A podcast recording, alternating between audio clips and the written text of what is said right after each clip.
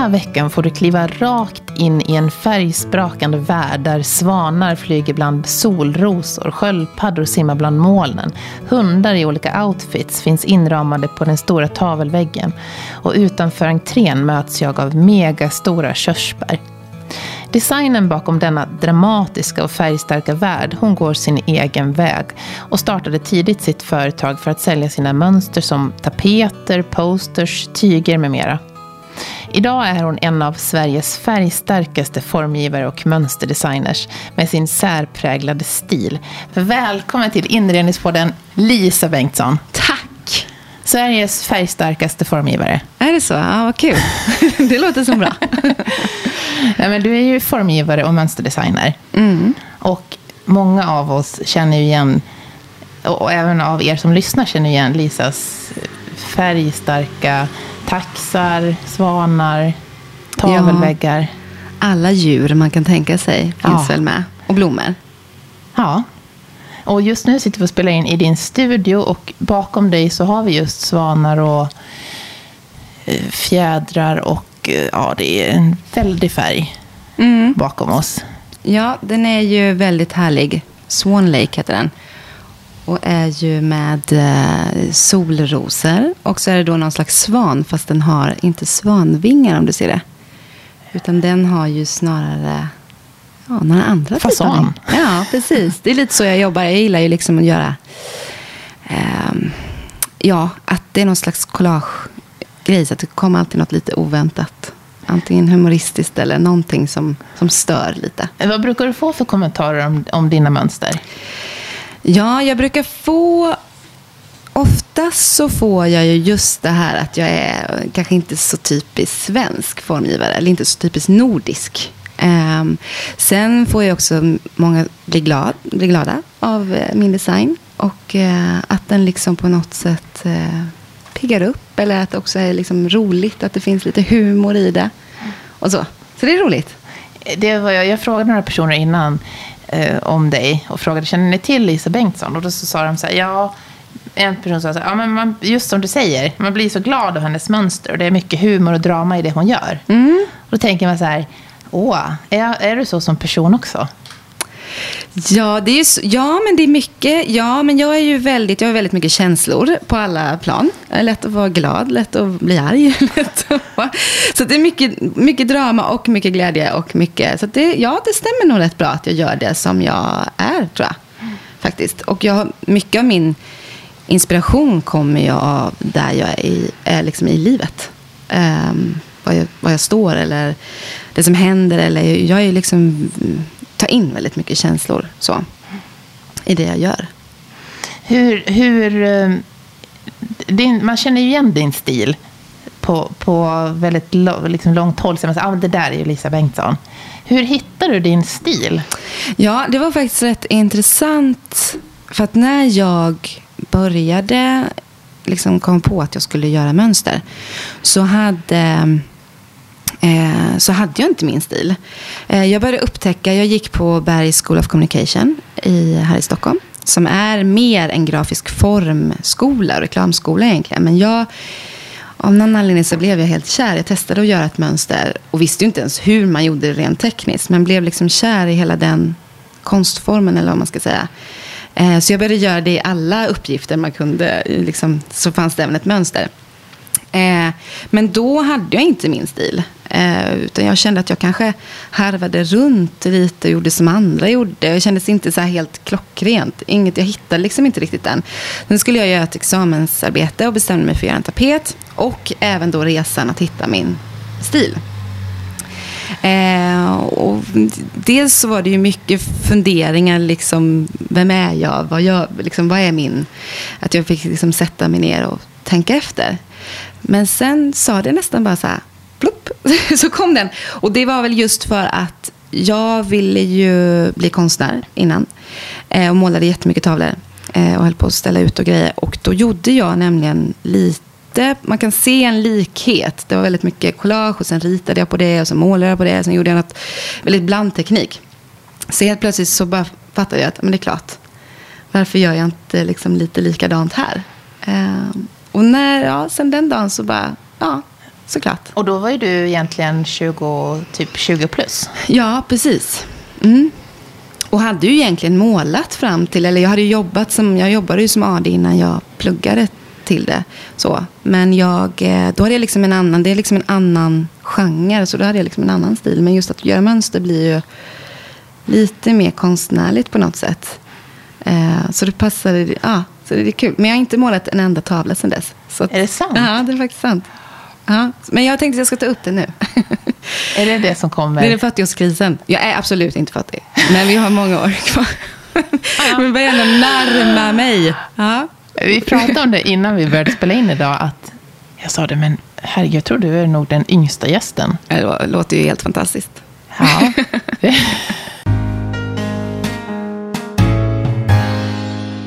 men du, det här med att hitta sin stil. Hur, eh, hur gör man för att hålla fast vid sin stil? Känner du inte ibland att åh, nu vill jag testa något helt nytt? Eller att... Eh... Jo, men det är klart att man ibland blir trött på eh, det man liksom Särskilt om man omger sig väldigt mycket. Jag har det här i min studio jättemycket, alla grejer. Och sen hade jag jättemycket hemma ett tag, alla grejer. Och till slut blir man så här, men gud, åh, kanske borde bara göra något eh, lite, ja, enklare. Eller något som liksom är mer beige. men nej, sen så blir det ändå så här, det är inte jag. Och det är inte... Eh, så jag tror att jag, jag skulle aldrig kunna byta stil. För att det är ju jag. Jag kan inte göra någonting annat. Jag förstår inte ens hur jag egentligen kunde göra någonting annat eh, innan. Nu skulle det aldrig gå att gå tillbaka. Eh, för jag kan inte göra något annat än det här. Men däremot så kan man ju utvecklas inom sin stil. Att eh, beroende på vilken fas du är i livet så känner jag också att jag utvecklas åt olika håll. Liksom. Eh, med barn eller bar, barnafödande och, och sådana där grejer så kanske man känner att nu vill jag göra mer åt det här hållet för det passar mitt liv nu. nu kanske, ja, eller hus, även där när man byter hus. Det är också en himla bra inspiration. Mm. Eh, så att jag tycker att man kan ändå utvecklas inom vad man är, sin egen stil. Liksom. Så. så blir det så att, att uh, familjen styr lite? Ja, men definitivt. Nya... Jag, tycker det, alltså jag har ju varit jätte just efter eh, barn och så tycker jag har varit, ja eller hela livet egentligen. Eh, man, när jag fick trädgård så blev jag jättesugen på att göra mer liksom, trädgårdsinspirerat. Eh, med barnen har jag gjort, alltid kommit eh, härliga mönster liksom, efter dem. Sådär, att jag blivit inspirerad. Och dels tror jag också att man har haft lite pauser då. Att man liksom har varit hemma med barn. Och, men också hunnit fundera och tänka och liksom så. Så att eh, det ger mig jättemycket inspiration. Men hur går det till när du tar fram nya mönster? Det är ju verkligen en process. Eh, och det kan gå till... Oftast så börjar det ju i min hjärna. Att, jag liksom, att suget måste komma, lusten måste komma. Och så går jag egentligen runt och eh, tänker jättemycket på det. Eh, för att det också är så läskigt att sätta sig, att så bestämma sig att nu, nu kör vi då på det här vita pappret. nu ska jag göra det här. Eh, men, men du skissar alltid i datorn eller du skissar ja, på men papper? Nej, men mest är det faktiskt i datorn. Eh, men skissen är ju i huvudet. Men sen blir det oftast datorn, men det blir också många. Ibland kan det gå superenkelt. Jag är väldigt mycket för att göra snabba skisser. Alltså att det, men det kan också bli många skisser då. Att det blir så här, nej fult, bort. Så jag har många som bara ligger som aldrig har blivit någonting av för att det bara... Eh, det känns inte rätt. Det måste kännas rätt väldigt snabbt. Jag är väldigt... Eh, ja, det ska gå liksom fort.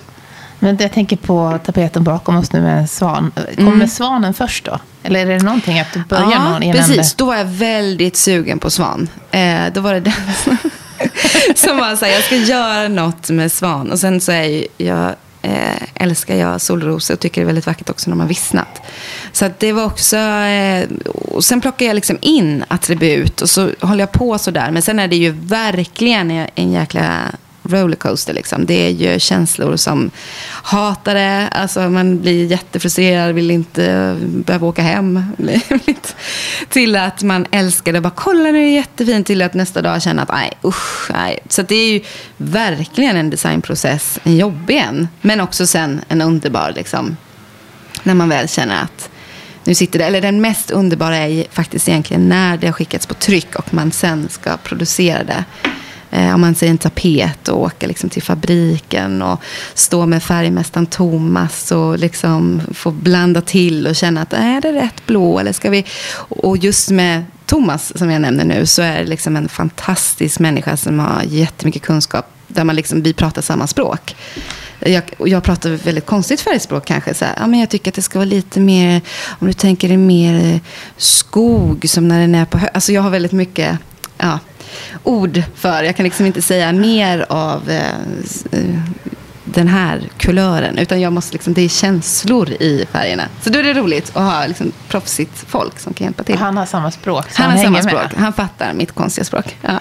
Har du någon sån... Eh, några kritiker som du alltid visar dina mönster för? Ja, men mamma är ju, visar jag nästan alltid först för. Eh, nu har jag ju min underbara kollega Linda också, som också är jättebra att bolla med. Men sen är ju mamma har ju alltid sett allting väldigt... Eh, och vi, det är ju därifrån också jag tror jag har fått jättemycket av min... De är inte alls liksom, konstnärligt lagda så, men däremot har vi alltid hållit på jättemycket med inredning i mitt hem. Så att jag tycker att det är kul att bolla med henne. Eh, sen är jag mer, gillar more is more mer än vad hon gör. Eh, men hon är en bra person att bolla med. Har, hon, eller har dina föräldrar vågat? Ja. Använder de mycket ja, men absolut. färg nu då? Ändå? Ja, men de använder mycket. Nu har det blivit riktigt tapethukt här. Så att nu, har, nu är det tapeter lite överallt i deras hem. Så det är roligt. Vilket mönster är det som har, som har blivit det populäraste? Som, som, du, som du säljer mest av? Alltså jag skulle nog säga faktiskt att det måste vara hundarna. Eh, tror jag. För att tillsammans heter det mönstret. Eh, som, ja, men som blivit jättepopulärt. Både i Sverige men också utomlands. Och det finns ju både som tapet, eh, porslin, kuddar, affischer eh, lampskärmar, disktrasor, handdukar. och det är taxarna? Det är taxarna. Och det är en och samma tax, men med tolv helt olika attribut eller accessoarer på sig. Så olika, olika personligheter kan man säga. Och det kom efter att jag hade fått mina tvillingar. Så gjorde jag det mönstret. Jag måste säga att jag trodde det var när du hade skaffat tax. Nej. För jag tänkte så här, hon måste, innan jag kände till det tänkte jag att hon måste vara väldigt intresserad av hundar och taxar. Ja, och det är så roligt för jag har fått så många bilder på taxar efter det. ja, och många som kommer och vill visa sin tax. Eller så här, kan du inte också göra på pudlar? Eller? och så var det dina söner ja. som inspirerade. Ja, det har egentligen inte så mycket med taxen att göra. Mer än att jag absolut, eller så här var det, det här är egentligen en, en lång historia. Men när jag väntade mina tvillingar så hade min svärmor fått en liten kull med taxvalpar. Och jag kan säga att det är det sötaste som finns. Eh, och jag mådde superilla och sådär. Men då hade jag en tax som jag hela tiden hade på magen. Liksom. Eh, så det blev någon slags connection mellan, mellan mina grabbar och den här taxen. Eh, sen när jag hade rullat vagn väldigt länge och varit liksom Ja, alla ni som vet hur det är att vara tvillingmamma vet att det är väldigt mycket liksom, jobb, intensivt. Eh, men superkul. Men efter ett tag kände jag så här, nu, så dags att göra någonting. Och då har det här rullat på, liksom, just att få tvillingar. Det var väldigt mycket att ja, men, de är lika, födda på samma liksom, dag. De, varit i samma, alltså, de är så tajta och så liksom, nära varandra. Men ändå så helt olika personligheter.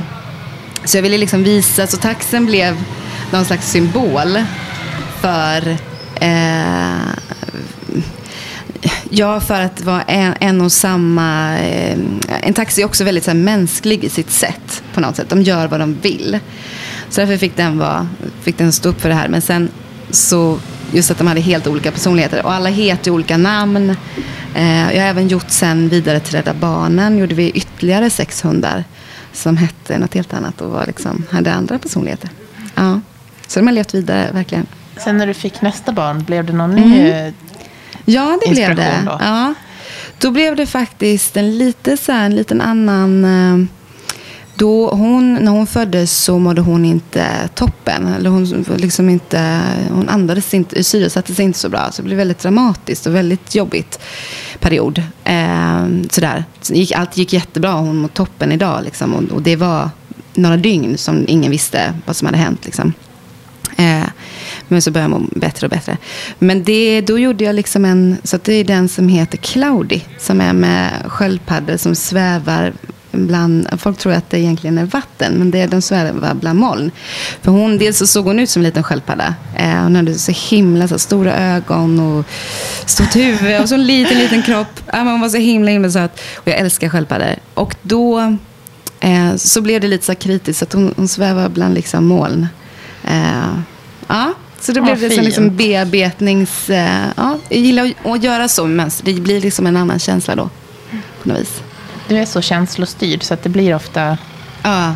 ja. Men jag tänker, när du, de dagar när du känner att nej, jag har ingen inspiration nu. Mm. Tvingar du dig då att sätta dig ändå? Eller? Nej, nu för tiden gör jag inte det. Eh, det har jag nog gjort, absolut. För det är det som har varit svårt att... När du är egentligen en väldigt kreativ konstnärlig själ, men så ska du ändå ha ett...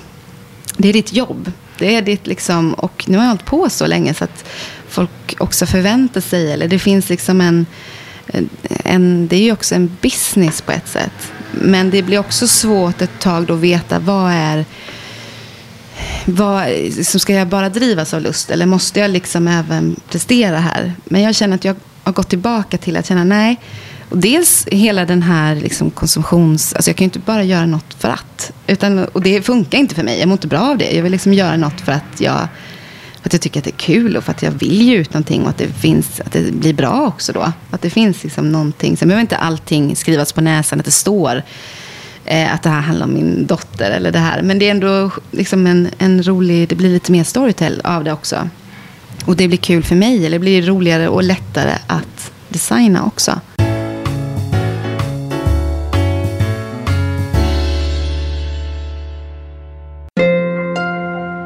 Gå gärna in och prenumerera på Inredningspodden med Johanna Hulander så får du en notis när nästa avsnitt släpps.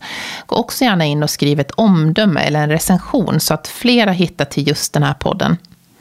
På inredningspodden.com finns alla avsnitt samlade för olika sätt att lyssna på, till exempel Spotify, iTunes eller Acast.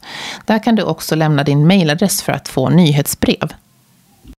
Du vet väl att du också kan följa Inredningspodden på Instagram under ett inrednings underscore, alltså understreck podden. Och även på Facebook, där finns vi under ett inredningspodd. Där kan du också skicka medlanden, önska gäster som du skulle vilja lyssna på eller se de korta filmer som vi gör till varje avsnitt. För samarbeten och sponsring så mejla oss på info.inredningspodden.com du, ju, du startade ju ändå eget företag när du var ganska ung. Mm. Vi räknade ut att du var 26 år. Ja. eh, hur, vad ger du för tips till, till unga designers som står liksom och ska börja jobba nu? Finns det någonting som du tänker att ja, men det här skulle jag ha velat haft tips om när jag stod där och startade eget eller mm. när jag var nyutexad? Mm. Alltså jag skulle nog säga, dels så, så, tror jag att det viktigaste är egentligen att hitta, men dels den här resan att hitta sin stil. För det finns jättemånga som är duktiga, liksom, som är duktiga på att rita eller duktiga på och, och liksom rent så. Men det är ju en skillnad att vara duktig på det är det som jag brukar säga till mina barn också. Så här, det spelar liksom ingen roll att man är duktig på att rita. Det är inte det det handlar om. Det handlar egentligen om att förmedla någonting. Det handlar om att hitta en, en kreativ stil. Det handlar inte om att du kan göra perfekta ögon eller en perfekt häst. Alltså det handlar om egentligen vad är, din, vad är, din, vad är ditt sätt att liksom göra på det här. Och det tror jag även med designers så är det ju jätteviktigt att hitta sin och inte bara göra det som är poppis eller det som är... Utan så här, vad är min, vad är min grej här liksom? Vad gör jag? Och sen tror jag också att man inte bara tar och gör en, en bricka för att det är enkelt att producera. Eller gör en affisch för att det är enkelt att producera och man kan sälja. Utan jag tror att det är jätteviktigt att man hittar eh, ja, någonting mer. Visa liksom att vad, är, vad gör mig till en designer.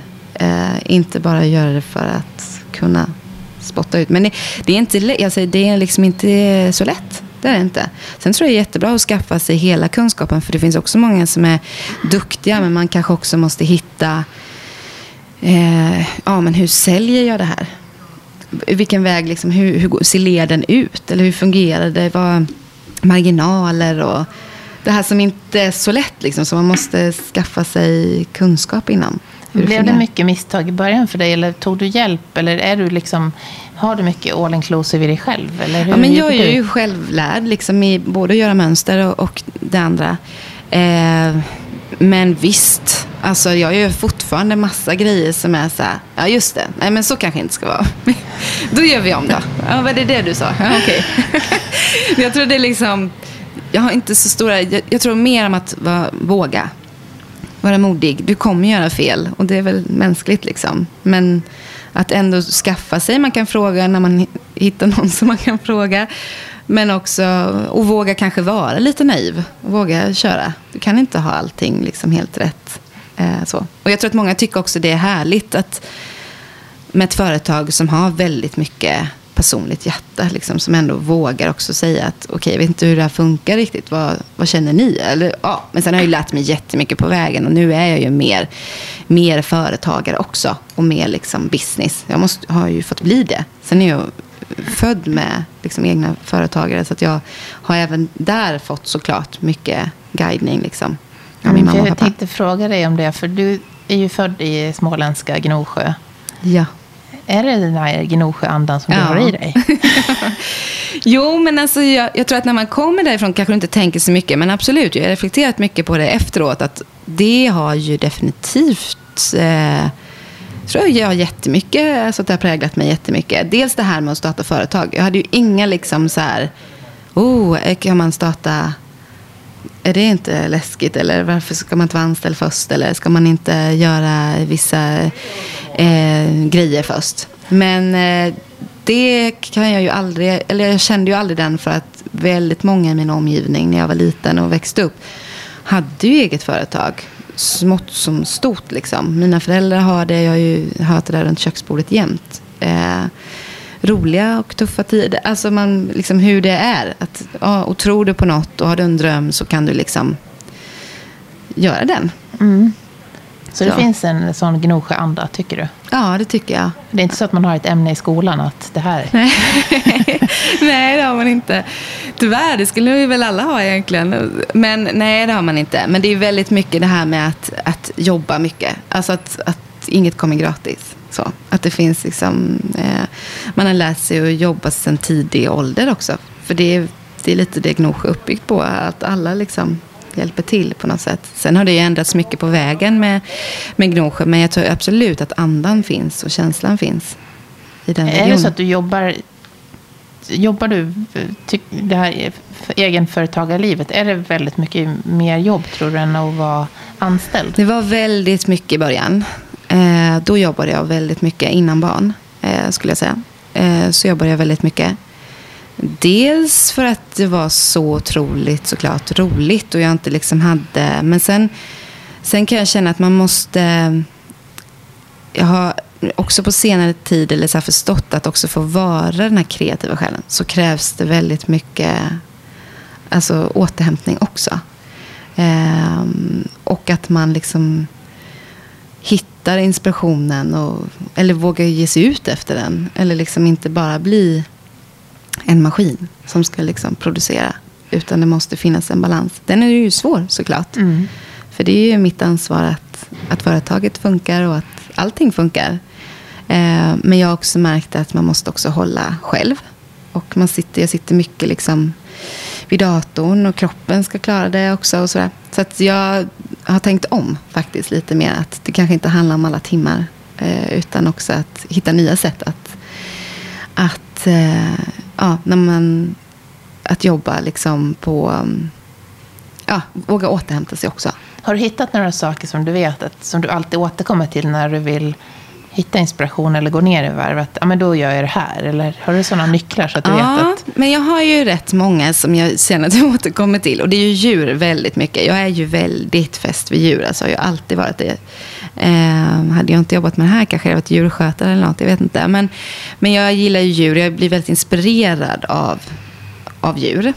Eh, och även skulle jag ju säga natur. Mitt nya intresse är ju nämligen trädgård också. Så att jag har blivit liksom även där tycker att det är jättekul eh, med eh, så djur och natur. Sen har jag ju mycket mode. Tycker det är jättekul med eh, mode. Så att jag tittar ju mer åt det än åt inredningshållet. Så. Jag tittar mer åt liksom visningar och, och just de kanske lite speciellare liksom, märkena. Lite mer haute couture eller lite åt, åt som vågar lite. För jag tycker att man kanske vågar lite mer inom mode. Eller mycket mer än i inredning. Att det, liksom, eh, det tycker jag är väldigt kul att titta på. Och sen har jag ju mycket med varit väldigt förtjust i karaktärer. Alltså människor. Olika karaktärer. Hur folk står, går och tänker. Ja, sådär. Och för att få liksom också varit mycket inspiration. Så du sitter och spanar på kaféer mm. och så? Exakt. Ja. och kollar på modevisningar? Ja, det är väldigt kul. Idag har du på dig en jättevacker klänning. Mm, ja, men den är ju, precis. Rodebjer är svenskt eh, varumärke som jag gillar jättemycket. Jag tycker att det är kläder för, för aktiva kvinnor. Är det mode, känns det som att det är nästa steg för dig? Det har varit så kul. Ja, det har varit superroligt. För just eh, liksom sådana drömprojekt. Jag har massa projekt man hade velat göra. Men det har varit så kul och utmanande att testa. För det är ju lite skillnad vad man har på sig mot vad man sätter i soffan. Liksom. Eh, så det har varit jättekul. Även barn hade också varit jätteroligt. Barnkollektion. Men, eh, men även klänningar hade ju varit. Eller kaftaner eller baddräkter. Eller, jag vet inte. Något hade varit jättekul att testa.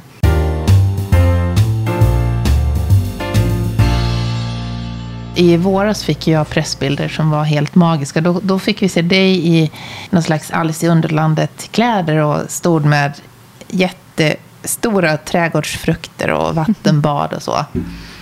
Och då förstår man ju att du fick ditt lystmäte när du gjorde en specialkollektion för mm. Ellos, då för trädgård. Ja, det var ju så roligt.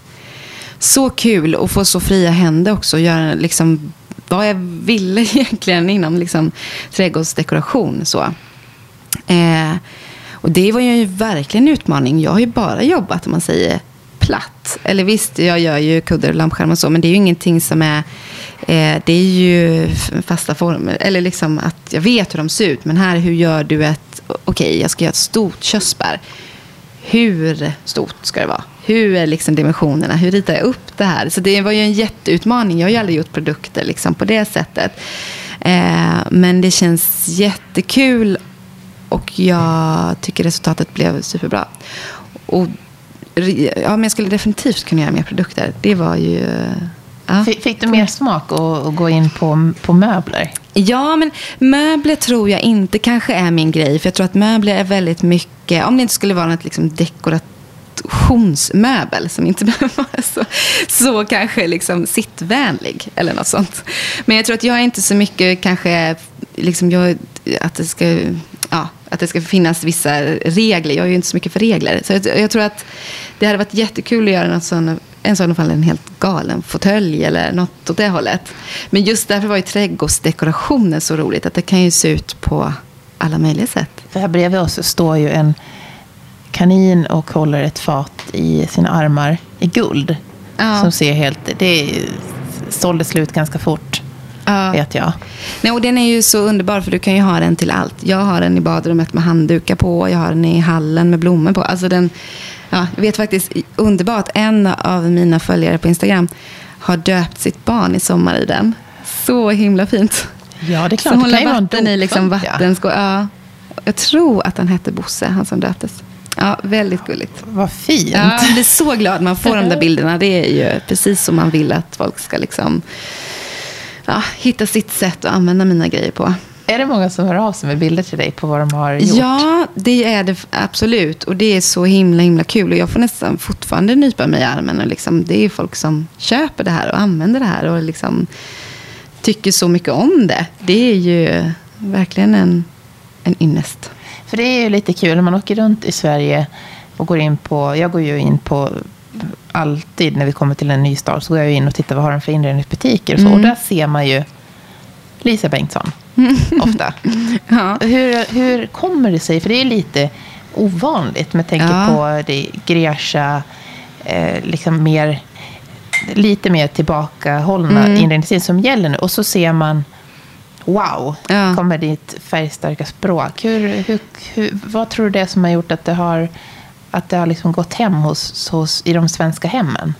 Ja, men det är det jag har fått liksom kämpa lite med också. Och som sagt, fått, alltså jag, är, jag, jag sticker ju ut från liksom det som egentligen är eh, stilen, som liksom den nordiska designen. så.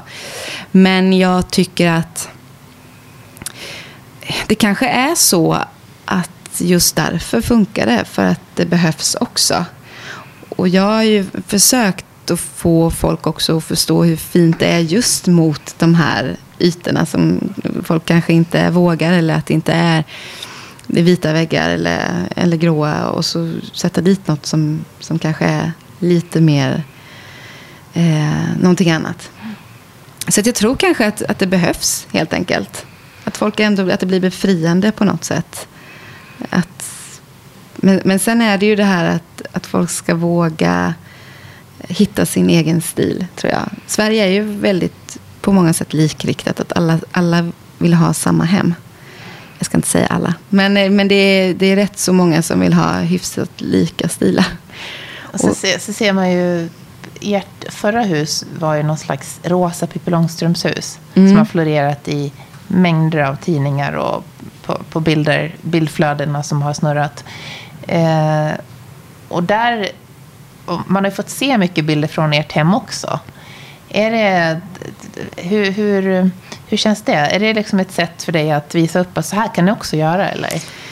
Ja, men jag tror det att Dels så är det ju, jag älskar ju inredning, alltså jag, eller jag älskar ju hushem. Alltså jag älskar att komma hem till folk och se hur de har det. Och jag har ju försökt att vara tydlig med att det finns ingenting som är fult egentligen. Alltså jag tycker snarare att om jag kommer hem till ett hem och ser vem som bor där. Alltså att det är personligt. Att det finns liksom, ja inte vet jag, barnens teckningar, någon eh, plansch från någon resa. Alltså, ja, och så, jag vet inte vad det kan vara för någonting är ju mycket mer intressant än att det är en helt köpt stil. Från att det är jätte, jättesnyggt. Det kan ju fortfarande vara snyggt, men det är ju mer intressant att, att komma hem till någon där man känner att ja, men här bor den här familjen, eller här bor den här tjejen. Eller här, liksom.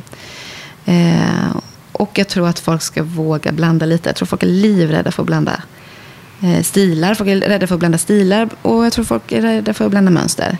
Det, kan liksom inte, det blir inte så himla fel. Så du tycker att alla mönster går att blanda? Det är liksom kanske inte alla, men nästan. Eller jag skulle säga så här, du kanske inte kan... Då kanske du ska blanda upp med någon, någon enfärgad eller någon leopard. funkar till allt, kan jag säga. Leopard, bästa avskiljen. Om du har, om du har som två, säg att du har två mina mönster, så sätter du en leopardkudde emellan. Det funkar fint. Leopard är grejen alltså? Ja, leopard. Det går hem. Och vi kan väl berätta att du har ju en men det där är det inte, det är en tiger va? Det här är en tiger ja. ja. ja. Leoparden har jag hemma. Jag har en stor leopard hemma. ja, ja såklart. Ja.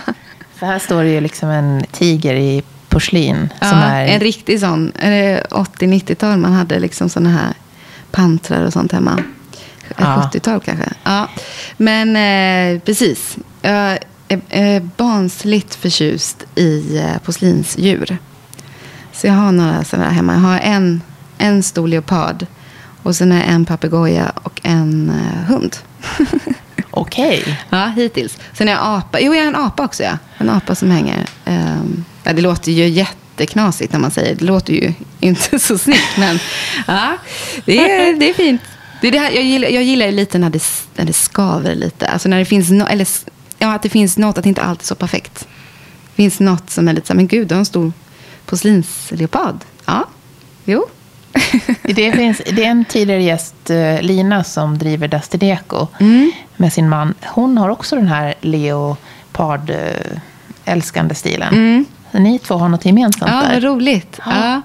Men annars måste man väl bara ge en eloge. För att du måste ju vara en av Sveriges största proffs på tavelväggar som vi ser här. ja, men jag har ju en väl... Alltså jag är ju galet förtjust i tavelväggar. Eh, jag tycker ju att det ger jättemycket till ett hem. Och till...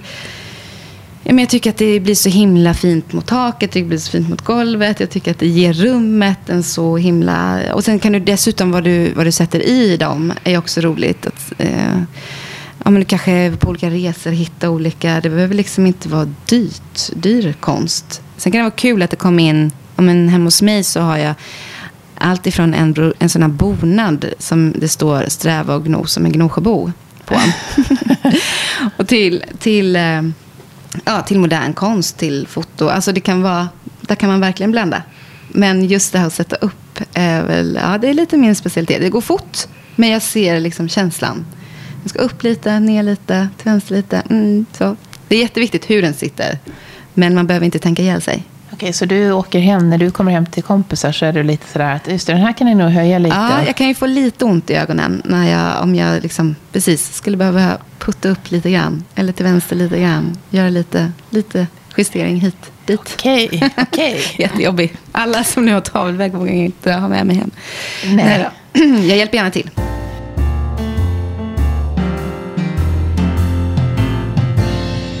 Nu precis i dagarna så lanseras ju en kollektion med mattor också. Hur, hur har, tänker du jobba dig igenom hela hemmet med olika produktgrupper? Precis, jag ska kunna ha ett helt Lisa-hem.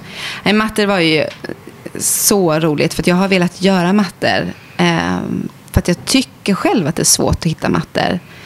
Eh, stora mattor speciellt. Eh, som, som liksom, och jag ser det var så kul för nu har jag lagt in ja, fyra mattor i mitt hem av de här.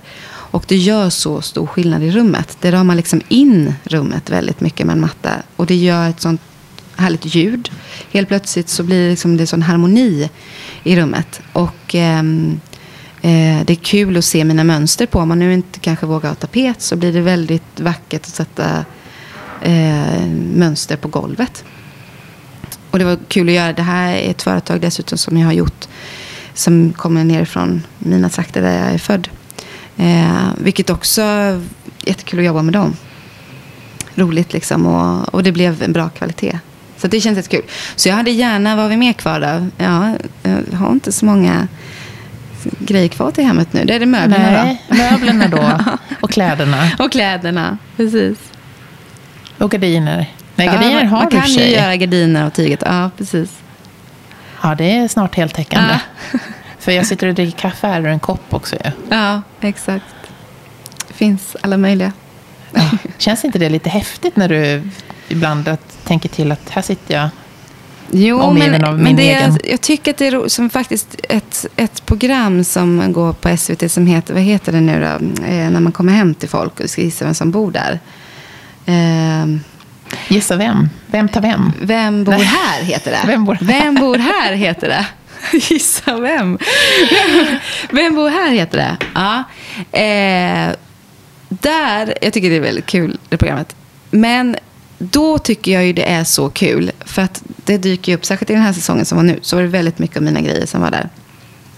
Och då tycker jag att alltså, tycker jag det är så kul när jag får liksom se hur andra har gjort. För annars kan man, man kan bli så lite hemmablind. Där sitter jag i liksom studion och, och jag gör inte liksom att det faktiskt kommer ut. Att folk faktiskt har det. Eller, eller ännu mer när det kanske kommer någon utomlands som liksom vill som har det eller skickar en bild eller ja, det är ju jättehäftigt. För hur går det utomlands? Säljer du en del utomlands Ja, också? men det gör vi faktiskt. Jag vill ju gärna sälja mer. Eh, för att jag får sån bra respons när jag visar grejerna utomlands så blir det liksom...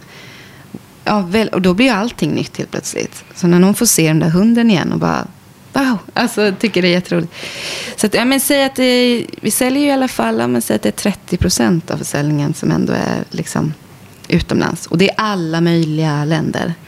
Det är allt ifrån Australien, Nya Zeeland, Japan, eh, Danmark, eh, Italien, England. Så, så det är jättekul. USA. Har, har det där varit ett stort steg, tycker du, att börja sälja Ja, utomlands? det är det absolut. Och det, det är svårt. Alltså det är, det som det, där kommer ju sociala medier in, det är ju bra.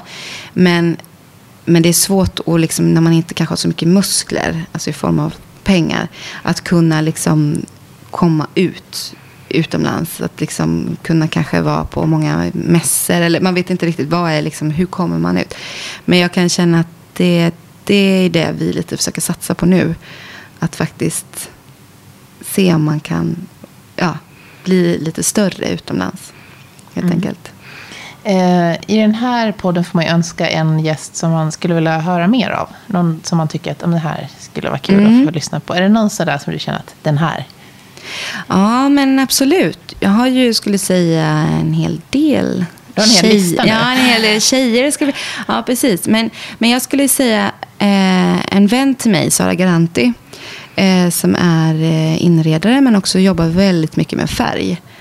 Och hur det påverkar en att ha färg runt omkring sig. Det hade varit väldigt intressant att lyssna just vad faktiskt färg gör. Att vi liksom mår bra av färg. Eh, och vad olika färger betyder och så vidare. Hon hade varit kul att lyssna på Mhm. lite mer. Bra tips. Och om man vill komma i kontakt med dig, hur hittar man dig då? Ja, men då skulle man kunna kolla på min hemsida. www.studielisabengtsson.se Eller på Instagram som jag försöker bli bättre och bättre och bättre på. som är Studielisa Bengtsson. Jag. Tusen, tusen tack Lisa. Tack snälla själv. Tack så mycket.